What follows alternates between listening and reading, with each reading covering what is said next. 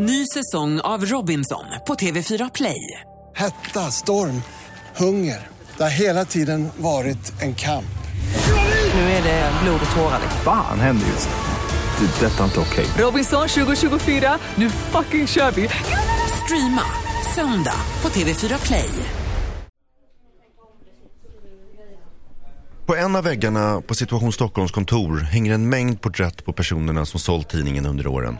Han nu sitter och tar en kaffe vid ett bord intill, pekar på olika ansikten och berättar minnen.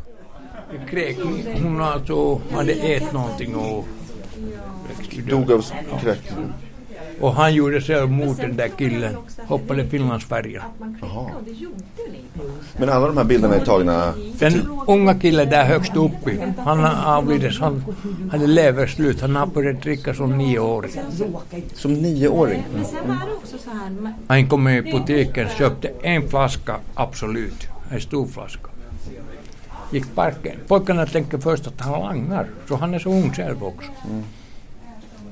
Han gick parkbänken och Kunde han dricka en flaska Absolut? nej, han har avlidits. Hans lever var totalt slut. Vin han kunde ta. Ja, okej. Sånt blir vin. Men om du tar stark sprit och lever är slut, Ja, ja. då är det slut. jag, vä- jag väntar på fotografiet. Jag väntar på dig. Han gjorde självmord, så. Men de flesta är döda här? Inte alla, men många. Många är döda på det.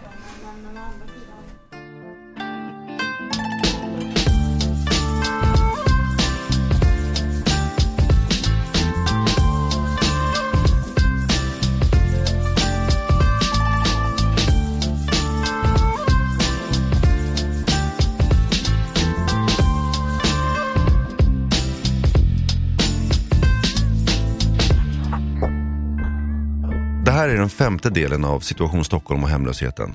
Podden är ett samarbete mellan tidningen Situation Stockholm och Bauer Media Group. Jag heter Robin Israelsson. Temat för avsnittet är döden. Här hör vi Ulf Stolt, chefredaktör på Situation Stockholm. Det lär ju ha dött en hel del av era ursprungliga försäljare. Det dör ju folk hela tiden naturligtvis i missbruk. En per månad skulle vi har ju en kondoleansbok som ligger här ute. Den, den eh, ja, per, en- per månad, ibland mer skulle jag nog säga. Men, men det snittar nog på att det är en person per månad. nästan. Hur förhåller ni er till det? Är det inte svårt att inte engagera sig känslomässigt och sådär? Mm, jo.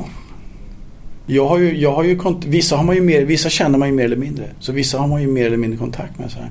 Men visst, det är ju, men det är ju, det är ju, en, del av, det är ju en del av verkligheten. Människor som lever ett liv, det, och det finns det ju många undersökningar om, eh, dödligheten är ju oerhört mycket högre än normalpopulationen. Så det är ju en, en del av grejen. Liksom. Man måste nog klara av de förlusterna om man ska, om man ska göra det, liksom. man, får nog, det. Man får nog vara beredd på att så ser det ut. Och samtidigt så är det ju så att visst, det är ett för tidigt liv. Men vi ser ju också vad, vad den här kondoleansboken, vad det här betyder. Det är inte sällan, det är inte sällan som det här var platsen där anhöriga till exempel ringer. Det här var platsen där man hade en helt annan bild av deras son eller dotter. Att jaha, fan han jobbade på slutet. Jaha, jag uppskattad arbetskamrat. Ja, ja. Har någon skrev en dödsruna över honom. Här finns det bilder tagna. Du har ju sett porträtten som är som inte de har kanske inte haft en bild på sitt eget barn på 25-30 år. Här finns det en bild. Så att den tiden som var på slutet när de var här var i alla fall en bra tid. På Frälsningsarméns sociala center i Hornstull berättar Carolina Nilsson om döden. Vi har ju en grupp som, eh, som brukar komma hit och vi ser att de tar hand om varandra. De, eh, de som har lägenheter tar in de som inte har boenden. De träffas alltid på samma platser. De eh, kommer och berättar när någon har blivit sjuk. De ordnar, ser till att begravningar blir gjorda när någon har gått bort och ser till att folk får reda på det. Så de har ju koll på varandra. Så, så vi har en grupp här runt omkring Hornstull som det blir nästan som en, en liten familj. Mm. Hur känns det för dig då när, om du har fäst dig vid människor som plötsligt rycks bort? Ja, det är lite tufft. Jag hade begravning för en av våra gäster i januari och det är inte helt lätt. Eh, och jag ska på en begravning idag för en, en annan gäst. Det är inte helt enkelt, det är det inte. Men, eh, men samtidigt så känns det ju också bra att de har fått en sån relation med oss att de faktiskt vill att vi ska göra det, att vi ska följa med ända in i slutet.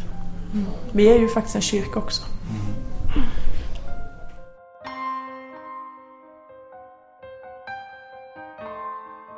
Jag är hemma hos Jonny igen.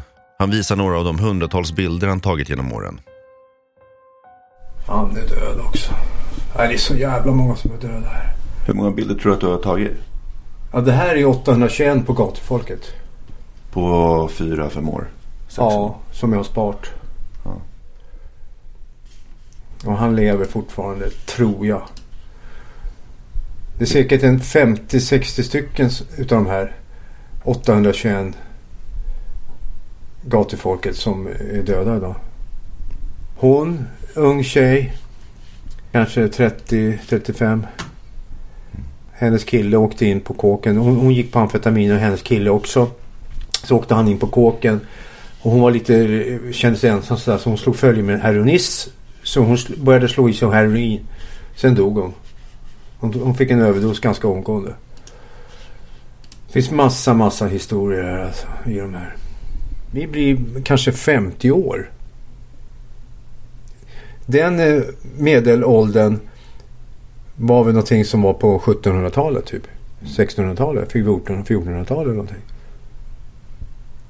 Fan, vi, vi blir inte äldre. Alltså, det är mycket sjukdomar och så. Hur kommer det sig att du har klarat det?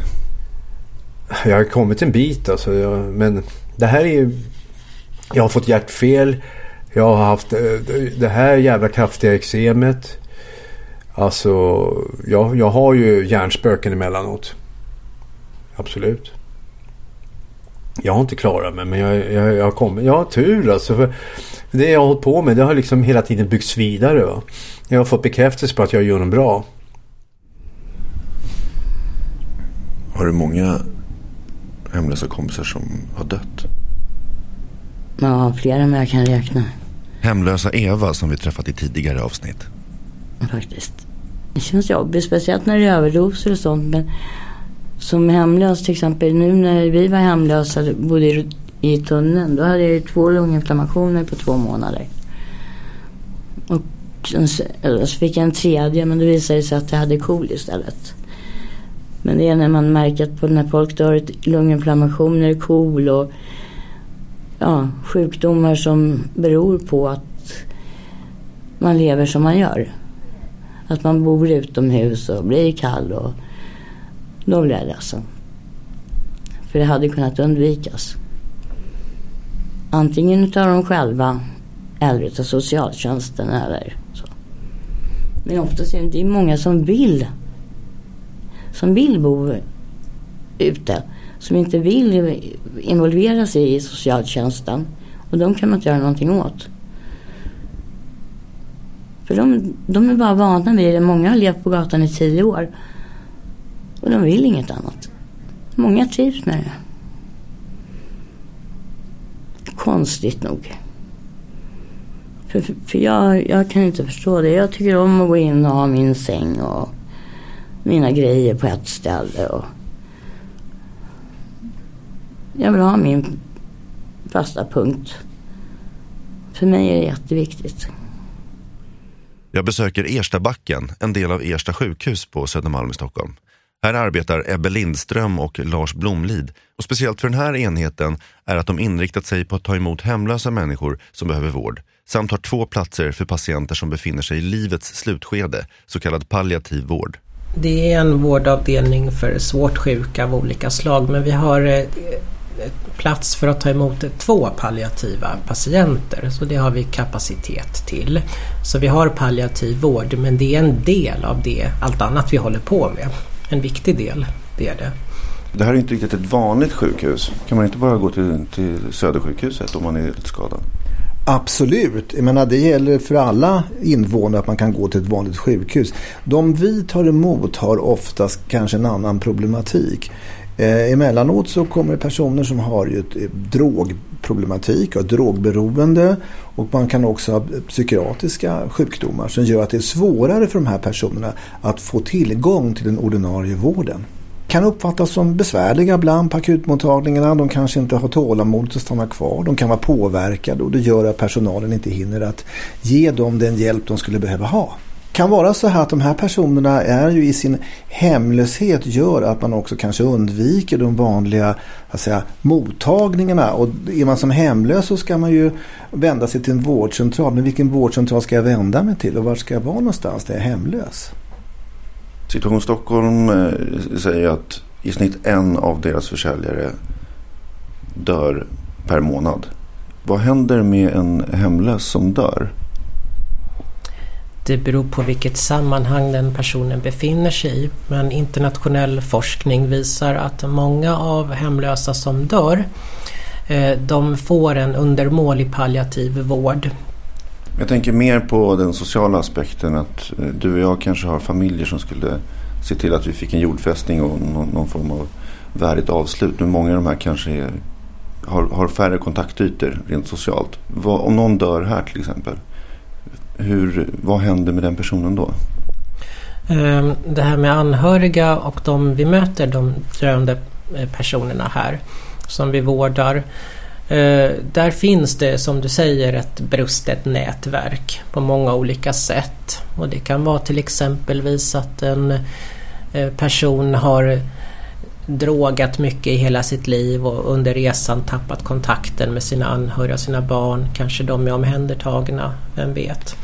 Det kan också vara mycket besvikelser men också att eh, personen själv har valt att inte vilja ha med de anhöriga att göra, att man känner att man inte vill belasta dem. Sen vill jag också säga att många av de som vi har döende, de har andra sorters nätverk som kanske är på ett annat sätt. Eh, jag minns en kvinna som dog här och hon hade förlorat kontakten med sina barn eh, under sorgliga omständigheter. Men det hon hade, hon hade ett starkt nätverk av goda vänner. Det var ett tjejgäng och de var jättetajta. Och det var, de ställde upp för varandra i vått och torrt. Så att ett nätverk kan ju se annorlunda ut än en reguljär kärnfamilj också. Om inte någon annan anhörig går in då och tar hand om de praktiska detaljerna inför, inför en begravning, ja då är det socialtjänsten som gör det.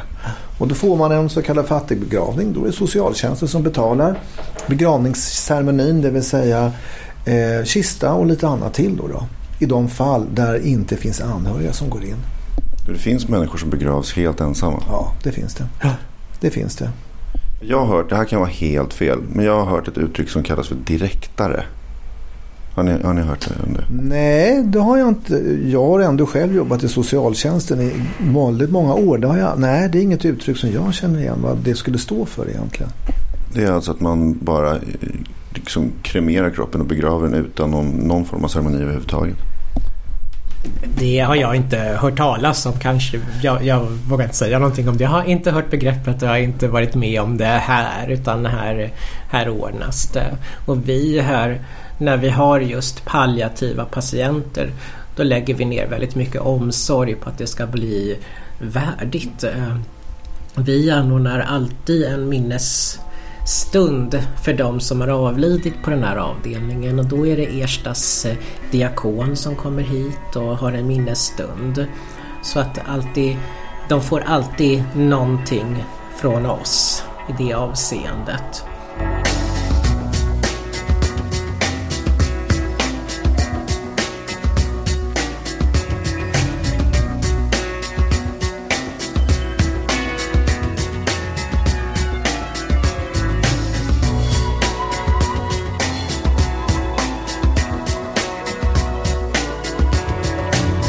De lever ju ett jäkla liv. Man skulle inte orka två dagar ens om man gick in i deras situation. Polisman Mulle Lindberg.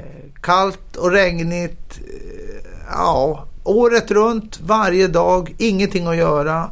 Försöka döva bort sin verklighet med, med droger eller allt möjligt trycker man i sig bara för att slippa verkligheten.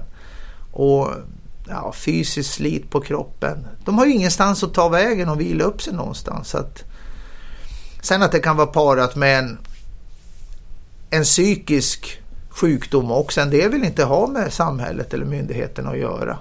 Och då kan du aldrig gå och söka hjälp. Och de som går och söker hjälp, det är ju knappt att de får det heller.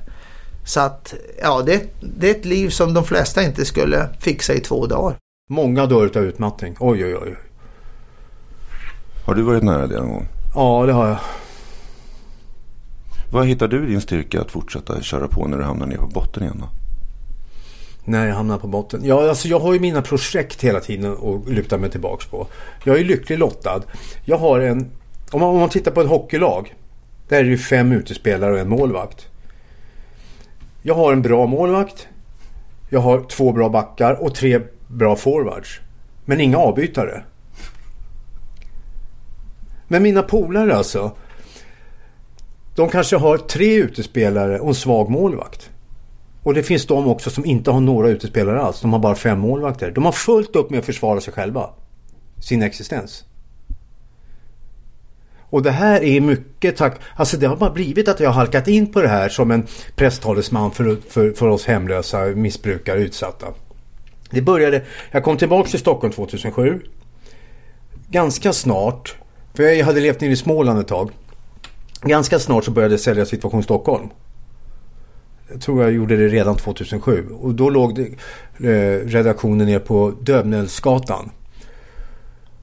Och jag tyckte det var skitkul att sälja, stå och sälja tidningen liksom, och, och prata med folk. Va? Och liksom de frågar mig någonting. Ja, Raine han skriver någonting i... Ja, ja för fan. Han har sin dagbok här och, och den här artikeln. Och sen helt plötsligt så hade jag med en dikt i tidningen. Och jag skrev en dikt, titta här. Jag tyckte det var skitkul att visa. Och jag växte utav det här va. Det finns ju de som är hemlösa på egen hand som är, vad kan man säga, enslingar. Helt för sig själva. Och eh, man kanske är den som de har haft mest kontakt med. De kanske inte har kontakt med socialen, någon annan typ av myndighet. Utan stannar man som polis och pratar med dem, hejar på dem, frågar hur läget är och någonting. Det tycker man ju inte någonting jämfört med vanligt liv kanske. Men för dem är det... Jag vill att de ska känna sig som att eh, man behandlar dem som människor, man byter lite ord och man eh, inte är otrevlig mot dem utan man ser, eh, man upp, uppmärksammar någon och sett någon. Och det tycker jag är ganska viktigt. Det har jag absolut tid med. Begravningsentreprenör Leif Eriksson på Stockholms begravningstjänst känner till begreppet direktare. Rekremation kallas det oftast i folkmun.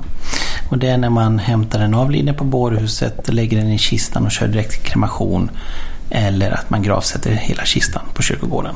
Så att jag dör i mitt hem, bärs ut till bårhuset och sen hämtar någon bara mig och lägger mig i en kista och gräver ner mig i marken ut, utan att några anhöriga får säga hej då eller någonting. Ja, korrekt. Det är så man gör. Hur ofta händer det? Vi kanske har eh, två, tre i månaden som väljer det alternativet. Behöver hela landet så kanske det är eh, gissningsvis 5 procent kanske utav Sveriges dödsfall. Jag kan nog säga att de människor som väljer detta är nog ångerfulla efteråt. För att alla människor har ett behov av att ta ett avsked. Vi har ett behov av att säga hej då, vi har ett behov av att få sörja. Och att bara en person försvinner ut genom en dörr eller på ett sjukhus och inte man vet vart tog den vägen eller någonting. Och så ska man gå till en gravplats eller till en minneslund där man inte alls vet var personen är. Så är det nog att man ångrar sig efteråt. Jag skulle personligen ångra mig efteråt. Leif har lång erfarenhet av att begrava hemlösa och ensamma människor. Att begrava hemlösa är ju alltid en känslomässig reaktion för mig som jobbar med det. Och det är på ett positivt sätt. Och det är ju att de här människorna finns ju utanför samhällets normer och kanter. Och de finns där men de syns inte på något vis. Och eh, när vi får förmånen att genomföra en begravning för en sån människa som inte har en fast bostad, kanske inte så stort umgängeskrets, så fyller ju min funktion en oerhört stor roll. Och officianten också, eller prästen. Det hedersuppdraget vi får är ju att genomföra den här begravningen på allra, allra största bästa sätt. För att inför döden så är vi alla lika. Det spelar ingen roll om vi har mycket pengar eller lite pengar eller ingenting alls. Så ska ju liksom begravningen vara lika värdefull och vi ska inte fuska någonstans. Många brukar fråga, ja men har man verkligen en begravning? Om det inte kommer någon. Och det har man, man har en regelrätt begravning. Prästen eller officianten håller ett tal över den döde. Man spelar musiken och eh, har man ingen att fråga så måste vi skapa utifrån oss själva. Oftast är det så att jag utgår ifrån min egen känsla, min egen upplevelse när jag får begravningsuppdraget. Eh, jag försöker lista ut lite grann vem personen är. Eh, vad kanske den tyckte om. Eh, har jag tur så har jag någon att fråga, någon kompis eller någon granne eller någonting. Och ibland så kan man ju få höra en hel livshistoria. De tyckte om segelbåtar, läste jättemycket eller tyckte om eh, Povel Ramel eller någonting sånt där. Ja, men då går vi på den linjen. Ibland så har vi definitivt ingenting att gå på. Och vi, vi får liksom känna in själva. Liksom, och där, när jag sitter med, med namn och sådana saker framför mig så är det oftast där det kommer. Sen är det så när jag gör ordning personen på bårhuset och jag får möta personen där så är det ju oftast där också jag får det bekräftat känslomässigt inom mig själv. Att det kanske är rätt det jag tänker. Det är ju så att när jag kommer till bårhuset så, så kan jag ju känna en viss rädsla och en viss ångest hos den personen jag ska göra ordning. Och för mig så lever ju fortfarande personen. Jag brukar säga att vi begraver ju levande personer, inte döda människor. Och då brukar ju människor ibland rynka på näsan och undra hur, hur tänker du nu? Och det är ju så att minnet och upplevelsen av den här personen, de försvinner ju inte fast personen dör. För människorna runt omkring den personen så är människan fullt levande fortfarande. Fast jag kan ju uppleva att det är bara ett skal som finns här. Och när jag hämtar kroppen då i kylrummet och ska i ordning den så lägger jag oftast handen på kroppen och säger att nu är du inte ensam. Och jag tror att det handlar om att jag ska bekräfta min egen känsla och närvaro hos personen.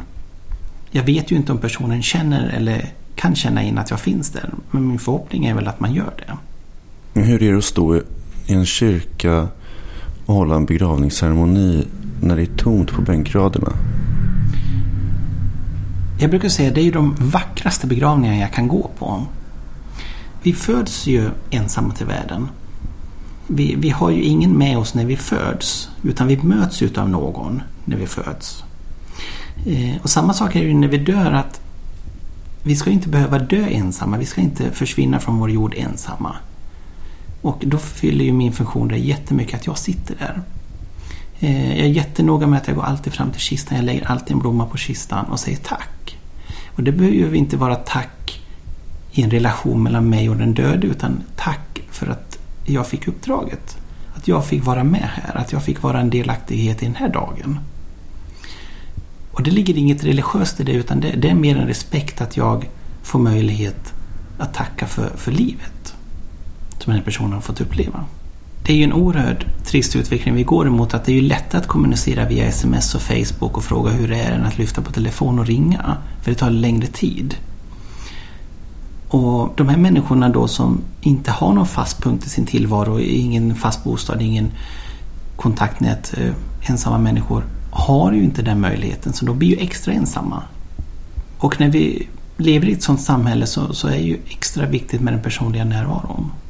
Ibland så brukar jag skoja för mig själv och tänka så jag kanske skulle vara en sån människa som går på alla ensammas begravningar men det kan jag ju inte göra. Men, men, men eh, det blir lite grann som den här eh, filmen Tatuerade änkan att man besöker eh, änkemännens begravningar. För att man inte själv vill vara ensam och ledsen. Och känna sig behövd. Och det är ju det som är så fint när man har en sån här begravning där man tror att ingen ska komma. Så ramlar det in tio personer, gamla kompisar.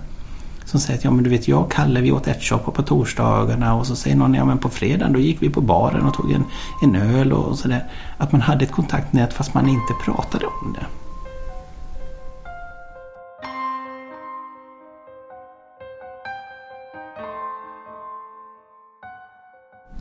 Är du rädd för döden? Nej. Det är jag inte. Går man på begravningar och sånt där? Jag gör det inte. Jag har gått på min mammas och min pappas. Eh, och min styvmors. Men i övrigt, nej. Det är farligt att leva. Man kan det. I nästa avsnitt blickar vi framåt och får höra tankar om hur de hemlösas situation kan förbättras samt hur tidningen Situation Stockholm vill utvecklas. Programmet gjordes av mig, Robin Israelsson, för Bauer Media Group i samarbete med Situation Stockholm. Samtliga avsnitt hittar du i Radioplay-appen, på situationstockholm.se eller genom att söka efter Situation Stockholm och hemlösheten i din podcast-app på mobilen.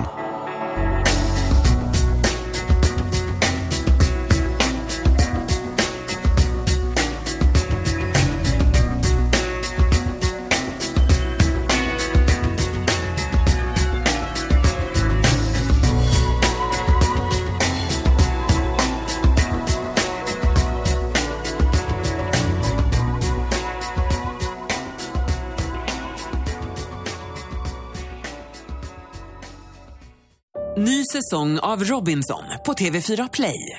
Hetta, storm, hunger. Det har hela tiden varit en kamp. Nu är det blod och tårar. Fan händer just nu. Det. Detta är inte okej. Robinson 2024, nu fucking kör vi! Streama söndag på TV4 Play.